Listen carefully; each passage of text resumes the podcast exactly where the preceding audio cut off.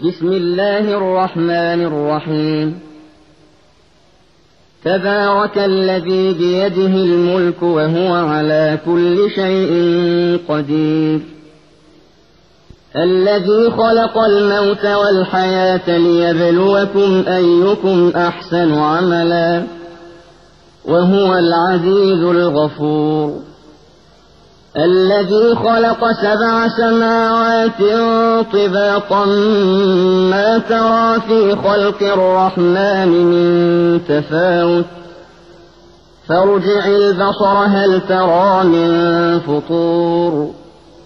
ثم ارجع البصر كرتين ينقلب إليك البصر خاسئا وهو حسير. అనంత కరుణామయుడు అపార కృపాశీలుడు అయిన అల్లాహ్ పేరుతో ప్రారంభిస్తున్నాను. ఎవరి చేతులలోనైతే విశ్వ సామ్రాజ్యం ఉన్నదో ఆయన ఎంతో శుభకరుడు ఎంతో మహోన్నతుడు. ఆయన ప్రతిదానిపై అధికారం కలిగి ఉన్నాడు. మీలో మంచి పనులు చేసేవారెవరో పరీక్షించి చూద్దామని ఆయన జీవన్మరణాలను సృష్టించాడు. ఆయన అత్యంత శక్తి సంపన్నుడు అత్యధికంగా మన్నించేవాడు. ఆయన ఒకదానిపైనొకటి ఏడు ఆకాశాలను సృజించాడు. నీవు కరుణామయుని సృష్టిలో ఎలాంటి క్రమరాహిత్యాన్ని చూడలేవు. కావాలంటే మరొకసారి చూడు. అందులో నీకేమైనా లోపం కనిపిస్తున్నదా? మళ్లీ మళ్లీ చూడు. నీ చూపులు అలసిపోయి విఫలమై వెనుకకు తిరిగి వస్తాయి. ولقد زينا السماء الدنيا بمصابيح وجعلناها رجوما للشياطين وأعتدنا لهم عذاب السعير. నీకు దగ్గరగా ఉన్న ఆకాశాన్ని మహోజ్వలమైన దీపాలతో అలంకరించాము. వాటిని శైతానులను తరిమి కొట్టే సాధనాలుగా చేశాము. ఈ శైతానుల కొరకు మేము మండే అగ్నిని సిద్ధం చేసి ఉంచాము. وللذين كفروا بربهم عذاب جهنم وبئس المصير. إذا ألقوا فيها سمعوا لها شهيقا وهي تفور. تكاد تميز من الغيظ. كلما ألقي فيها فوج سألهم خزنتها ألم يأتكم نذير؟ قالوا بلى قد جاءنا نذير فكذبنا وقلنا ما نزل الله من شيء إن أنتم إلا في ضلال كبير. وقالوا لو كنا نسمع أو نعقل ما كنا في أصحاب السعير. فاعترفوا بذنبهم فسحقا لأصحاب السعير. తమ ప్రభువును తిరస్కరించిన ప్రజలకు నరక శిక్ష పడుతుంది. అది చాలా చెడ్డ నివాస స్థలం. వారిని అందులోకి విసిరివేసినప్పుడు వారికి భయంకరమైన దాని గర్జన ధ్వని వినిపిస్తుంది. అది అప్పుడు ఉద్రేకంతో ఉడికిపోతూ ఉంటుంది. తీవ్రమైన ఆగ్రహంతో బ్రద్దలవుతూ ఉంటుంది. ఏదైనా ఒక గుంపును అందులో వేసిన ప్రతిసారి దాని కాపలాదారులు మీ వద్దకు హెచ్చరించేవారు రాలేదా అని వారిని అడుగుతారు. దానికి వారు ఇలా జవాబు ఇస్తారు. వచ్చాడు. హెచ్చరిక చేసే అతను మా వద్దకు వచ్చాడు. కాని మేము అతనిని తిరస్కరించాము. అల్లాహ్ దేనిని అవతరింపజేయలేదు. నీవు మార్గభ్రష్టుడవై పోయావు అని మేము అతనితో అన్నాము. ఇంకా వారు ఇలా అంటారు.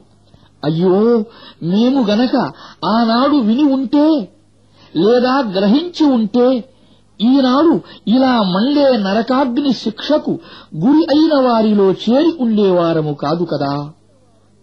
ఈ విధంగా వారే స్వయంగా తమ తప్పును ఒప్పుకుంటారు ఈ నరకవాసులు నాశనమైపోను إن الذين يخشون ربهم بالغيب لهم مغفرة وأجر كبير وأسروا قولكم أو اجهروا به إنه عليم بذات الصدور.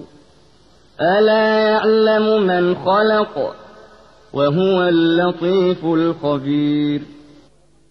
చూడకుండానే తమ ప్రభువునకు భయపడేవారికి తప్పకుండా మన్నింపు గొప్ప ప్రతిఫలం లభిస్తాయి. మీరు మెల్లగా మాట్లాడినా లేక బిగ్గరగా పలికినా అల్లాకు రెండూ ఒకటే. ఆయన హృదయాల స్థితిని సైతం ఎరుగును. పుట్టించిన వాడికే తెలియదా? వాస్తవానికి ఆయన సూక్ష్మగ్రాహి మరియు సమస్తము తెలిసినవాడును. هو الذي جعل لكم الأرض ذلولا فامشوا في مناكبها وكلوا من رزقه وإليه النشور. أأمنتم من في السماء أن يخسف بكم الأرض فإذا هي تمور؟ أم أمنتم من في السماء أن يرسل عليكم حاصبا؟ فستعلمون كيف نذير. ولقد كذب الذين من قبلهم فكيف كان نكير؟ أولم يروا إلى الطير فوقهم صافات ويقبضن؟ ما يمسكهن إلا الرحمن إنه بكل شيء بصير. మీ అధీనములో ఉంచినవాడు ఆయనే. కనుక దాని మీద తిరగండి. దేవుడు ప్రసాదించిన ఆహారాన్ని తినండి. ఆయన సాన్నిధ్యానికే మీరు మళ్ళీ సజీవులై పోవలసి ఉన్నది. ఆకాశములో ఉన్నవాడు మిమ్మల్ని భూమిలోకి దిగద్రొక్కడని భూమి హఠాత్తుగా తీవ్ర కంపనాలకు గురికాదని మీరు నిర్భయంగా ఉన్నారా? ఆకాశములో ఉన్నవాడు మీ పైకి రాళ్ళను విసిరే పెనుగాలిని పంపడని మీరు నిర్భయంగా ఉన్నారా? అప్పుడు నా హెచ్చరిక ఎలా ఉంటుందో మీకు తెలిసిపోతుంది. వారికి పూర్వం గతించిన వారు కూడా తిరస్కరించారు. అప్పుడు నా పట్టు ఎంత తీవ్రంగా ఉండినదో చూడండి. వారు తమ మీద ఎగిరే పక్షులు రెక్కలను ఎలా చాపుతూ ముడుచుకుంటూ ఎగురుతున్నాయో చూడటం లేదా? కరుణామయుడైన అల్లా తప్ప వాటిని అలా నిలిపి ఉంచేవారెవ్వరూ లేరు. ఆయనే ప్రతి వస్తువును కనిపెట్టి ఉండేవాడు. أمن هذا الذي هو جند لكم ينصركم من دون الرحمن إن الكافرون إلا في غرور. أمن هذا الذي يرزقكم إن أمسك رزقه بل لجوا في عتو ونفور. أفمن يمشي مكبا على وجهه أهدى أمن سويا على صراط مستقيم. قل هو الذي أنشأكم وجعل لكم السمع والأبصار والأفئدة قليلا ما تشكرون. కరుణామయుడైన అల్లాకు ప్రతికూలంగా మీకు సహాయం చేయగల సైన్యమేదైనా మీ వద్ద ఉన్నదా చూపించండి అసలు విషయం ఏమిటంటే ఈ తిరస్కారులు మోసంలో పడిపోయారు. లేదా ఒకవేళ కరుణామయుడైన అల్లాహ్ తాను ప్రసాదించే ఆహారాన్ని ఆపివేసినట్లయితే ఇంకెవరు మీకు ఆహారం ఇవ్వగలరు? చెప్పండి. వారసలు తలబిరుసుతనానికి సత్య తిరస్కారానికి మూర్ఖంగా అంటిపెట్టుకుని ఉన్నారు. బోర్లా పడుతూ లేస్తూ నడిచే వ్యక్తి సరైన గమ్యానికి చేరుకుంటాడా? లేక చదునైన బాటపై తల ఎత్తి నిటారుగా నడిచే వ్యక్తి గమ్యానికి చేరుకుంటాడా? కాస్త ఆలోచించండి. వారితో ఇలా అనండి. మిమ్మల్ని పుట్టించినవాడు అల్లాయే. ఆయనే మీకు వినే చూసే శక్తులు ఇచ్చాడు. ఇంకా ఆయనే మీకు ఆలోచించే అర్థం చేసుకునే మనస్సు కూడా ఇచ్చాడు. కాని మీరు చాలా తక్కువగా కృతజ్ఞతలు తెలుపుతారు.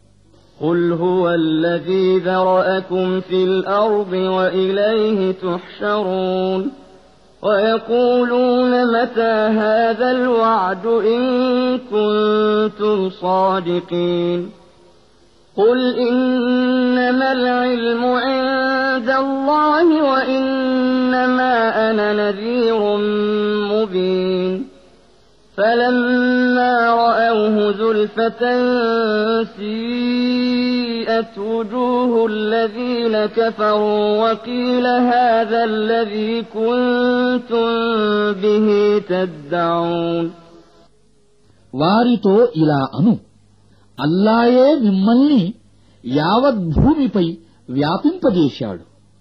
ఆయన వైపునకే మీరు సమీకరింపబడతారు. అప్పుడు వారు నీవు గనక సత్యవంతుడవే అయితే ఈ వాగ్దానం ఎప్పుడు నెరవేరుతుందో చెప్పు అని అడుగుతారు.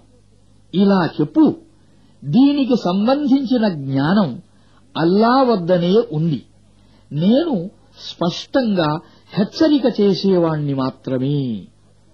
తరువాత వారు దానిని సమీపంలో ఉండటం చూసినప్పుడు తిరస్కరించిన వారందరి ముఖాలు వెలవెలబోతాయి. అప్పుడు వారితో మీరు మాటిమాటికి అడుగుతుండేది ఇదే అని అనటం జరుగుతుంది.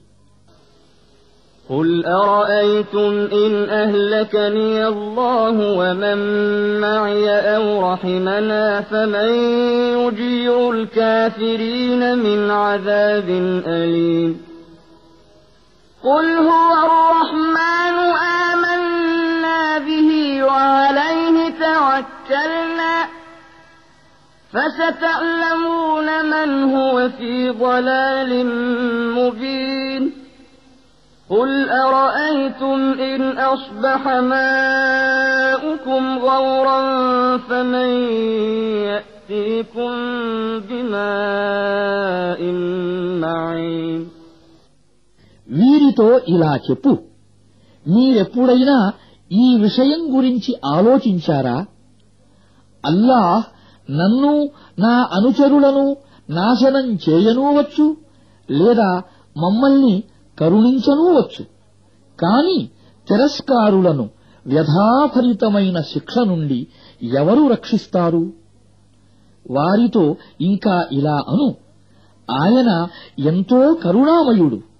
ఆయననే మేము విశ్వసించాము. ఆయననే మేము నమ్ముకున్నాము.